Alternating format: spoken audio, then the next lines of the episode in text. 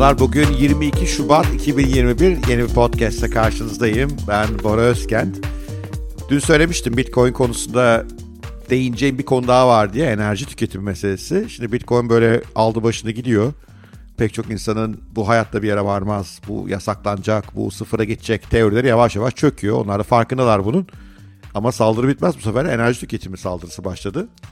Bitcoin yapısı gereği enerji tüketiyor. Bunu biliyoruz. İşte bu konu çeşitli hesaplamalar da var. En son Cambridge Üniversitesi'nin hesaplaması Pakistan kadar enerji tükettiğini söylüyor Bitcoin'in bugünlerde. Bu hesaplamaların doğruluğunu yanlışlığını biraz tartışıyor olacağız ama asıl hesaplanmayan şeyi mevcut sistemin enerji tüketimini biraz konuşmak istiyorum burada bugün. Bitcoin neyin yerine almaya çalışıyor? Aslında neden çok daha verimli enerji açısından? Bakalım ilginizi çekecek mi? Hazırsanız başlıyoruz.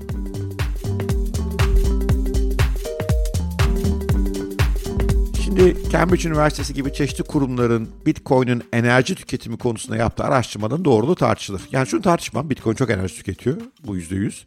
Ama bu araştırmalarda pek çok veri epey eksik oluyor ve yanılgılar da olabilir. Önce bunu bir yere koyalım çünkü Bitcoin ne kadar enerji tükettiğini hesaplarken serverlerin nerede olduğunu bilmek lazım. Server verimliliklerini bilmek lazım. O andaki hash rate gücünü bilmek lazım.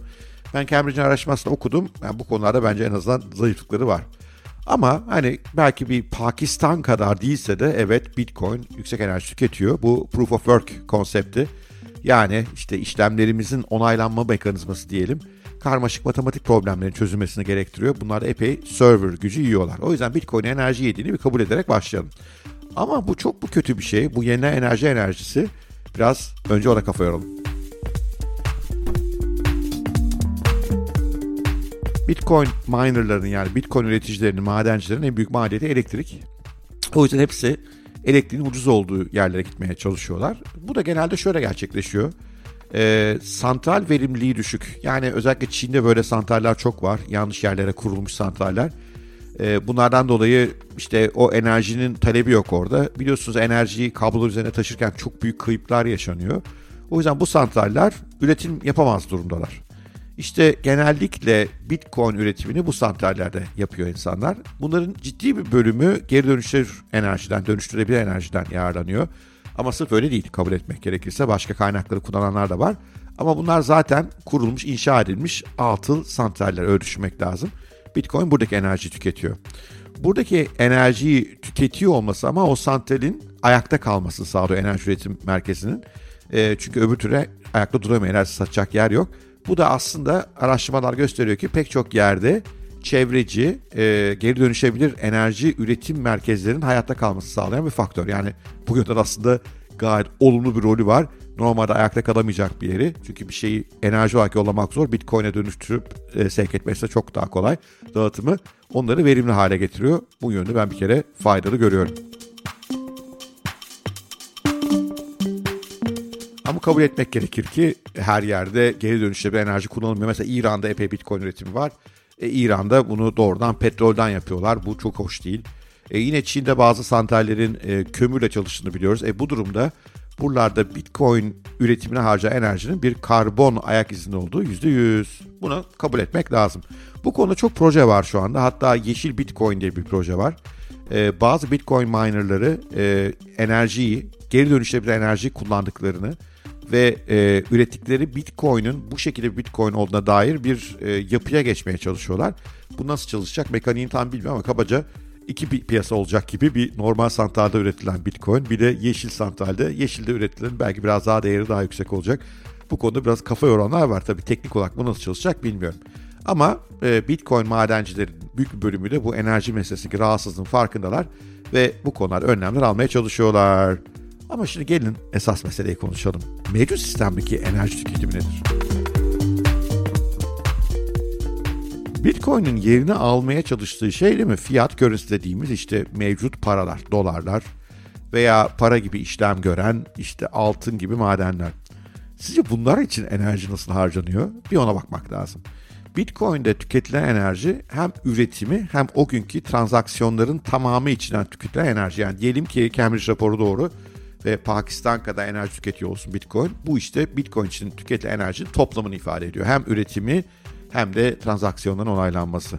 Başka bir enerji tüketimi yok anlayacağınız. Peki Bitcoin'in yerine almaya çalıştığı parasal sistem ve değerli madenler enerji tüketiyorlar mı? Of hem de nasıl tüketiyorlar? Nasıl mı? Biraz anlatalım. Bir, bankalar var. Yani mevcut sistemi ayakta tutmak için sırf bankalar değil aslında. Yüzlerce, binlerce finansal kuruluş var. Bu yüzlerce binlerce kuruluşun binaları var. Buralarda çalışan yüzlerce binlerce insanın işe gidip gelmesi var. Ofislerinin yaydığı enerji var. Değil mi? Bu fena bir enerji tüketimi benzemiyor. Mesela dün öğrendiğim bir rakama göre sırf Amerika Birleşik Devletleri'nde 8 milyon civarında insan finans endüstrisinde çalışıyor. Bunun dünya toplumda 20 milyon kişi geçtiğini tahmin ediyoruz. 20 milyon kişi mevcut parasal sistemimizi ayakta tutmak için işte paralarımızı e, mevduat hesapla tutmak için, transferler yapmak için, yatırıma dönlendirmek için 20 milyon kişi çalışıyor her gün. Bunlar binalarda çalışıyor. Bunlar çok ciddi bir enerji tüketimi yapıyorlar bir kere. Hesaplanmadığı için bilmiyoruz ama hiç de az olması gerek değil mi? İkinci bir seviye enerji tüketimi o paraları değerli tutmak için olan enerji tüketimi. Yani evet Bitcoin'in arkasında bu proof of work konsepti var. Ee, bunun değerinin hesaplanmasına veya değerli olmasına, güvenilir olmasına yardımcı olan. Peki Amerikan dolarının arkasında ne var? Hayır çok affedersiniz ama bazı gerizekalıların sandığı gibi altın yok. Yani hala insanlar paranın arkasında altın olduğunu düşünüyor. Epey katı, şey yapıyorum e, karşılaşıyorum böyle profillerle. Hayır altın yok sadece Amerika'nın silahlı gücü var aslında temelde. Tabii bir ekonomik gücü var ama açıkçası bence doları esas değerde kılan şey arkasındaki silahlı güç. Niye? Çünkü daha bu yaşanmadı mı? Libya dolara karşı çıktı, Irak dolara karşı çıktı. Ne geldi başlarına? Rusya dolara karşı çıktı. Ne geldi başına? İlk iki ülke bombalandı. Rusya ise çok ağır ticari ambargolara tabi tutuldu. Ülkeyi sarsacak kadar. E, bu ne? Bu bir enerji tüketimi değil mi? Ordular var arkasında ordular ve gerçekten Amerikan ordusunun en büyük görevlerinden bir tanesi Amerikan dolarının gücünü koruyor olmak ve buna e, işte itibar etmeyenleri de girip bombalıyor olmak ve bundan dolayı da ortaya yine dünyanın boşuna enerjisinin çıkması. Bu enerji tüketimi değil mi? Bu az bir enerji tüketimi. Acaba savaşlarda ortaya çıkan enerjiler, acaba bu orduların hareket etmesi için sırf savaşmasalar bile, e, kışla da bile kalsa da ayakta kalmaları için tüketilen enerji ne? Birisi bana bunu anlatabilir mi lütfen? Mevcut finansal sistemin enerji tüketimi burada da bitmiyor ki. Mevcut finansal sistemde enflasyon var doğası gereği. E, enflasyon olunca ne olması gerekiyor? Tüketim yapmanız gerekiyor. Çünkü paranızın değeri azalıyor. O yüzden aslında pek çok tüketimi sırf paranın değeri azalmasın diye yapıyoruz. Sağ olsun sistemde bu tüketim konusunda önümüze sürekli yeni opsiyonlar açıyor. Yeni kıyafetler, yeni oyunlar, yeni otomobil tipleri sürekli bir şeyler çıkıyor. Bu ne? Bu enerji tüketimi değil mi? Oysa biliyorsunuz bizim Bitcoin maksimalistlerin inandığı konu enflasyonsuz bir ekonomi mümkün olabilir. Bitcoin bunu sağlayacak diyoruz ve ben de bir Bitcoin yatırımcısı olarak harcadığım paraya o yüzden çok dikkat ediyorum. Gereksiz tüketime asla para harcamıyorum. Niye? Çünkü Bitcoin almayı tercih ediyorum. İleride değerini artacağını düşünerek. Sizce bu da enerjiyle ilgili mesele değil mi? Ben bu enerji çatışmalarını, tartışmanı falan daha Tesla'da da yaşadım. Bir ara yani hakikaten bazı densiz, artık arsız insanlar öyle söyleyeyim. Otomobil sektörü veya petrol sektörü tarafından beslenen doktorların, profesörlerin elektrikli arabaların enerji tüketiminin daha fazla olduğunu, karbon ayak izinin daha fazla olduğunu falan yazdılar. Utanmadılar bundan. Tabii hepsi yalanlandı. Hepsi çok saçma sapan şeyler bunlar. Şimdi de işte buradan vurmaya çalışıyorlar Bitcoin'e. Bir de Bitcoin Tesla birleşimi de buradan vuruyorlar. Yani vallahi çok utanmazlar. Geçenlerde LinkedIn'deki profilime otomobil firmalarında çalışan, geleneksel otomobil firmalarında çalışan insanlardan işte Tesla'da Bitcoin aldı, enerji dostum bu. Ya utanmaz arlanmazlar. Siz yıllardır o teneke arabalarınızla bu insanlığı zehirlemiyor musunuz? Bu Tesla olmasaydı elektrikli araba işine mi geçeceksiniz?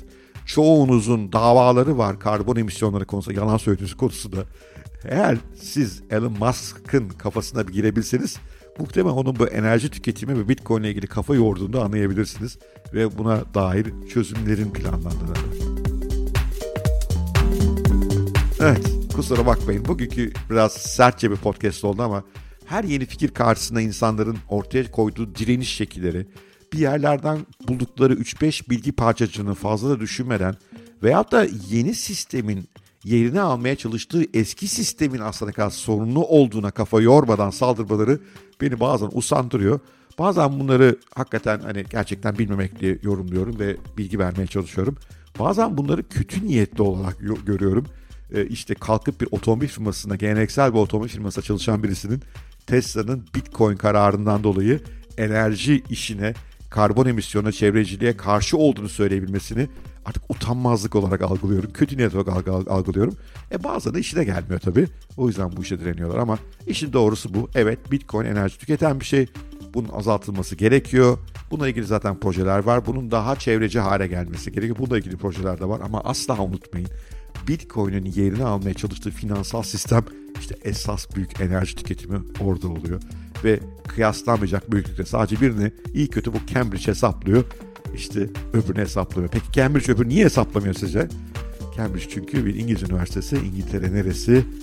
Mevcut finansal sistemin kalbi. Bütün bankacılar, bütün yatırımcılar oradan çıkıyorlar İngiltere'de.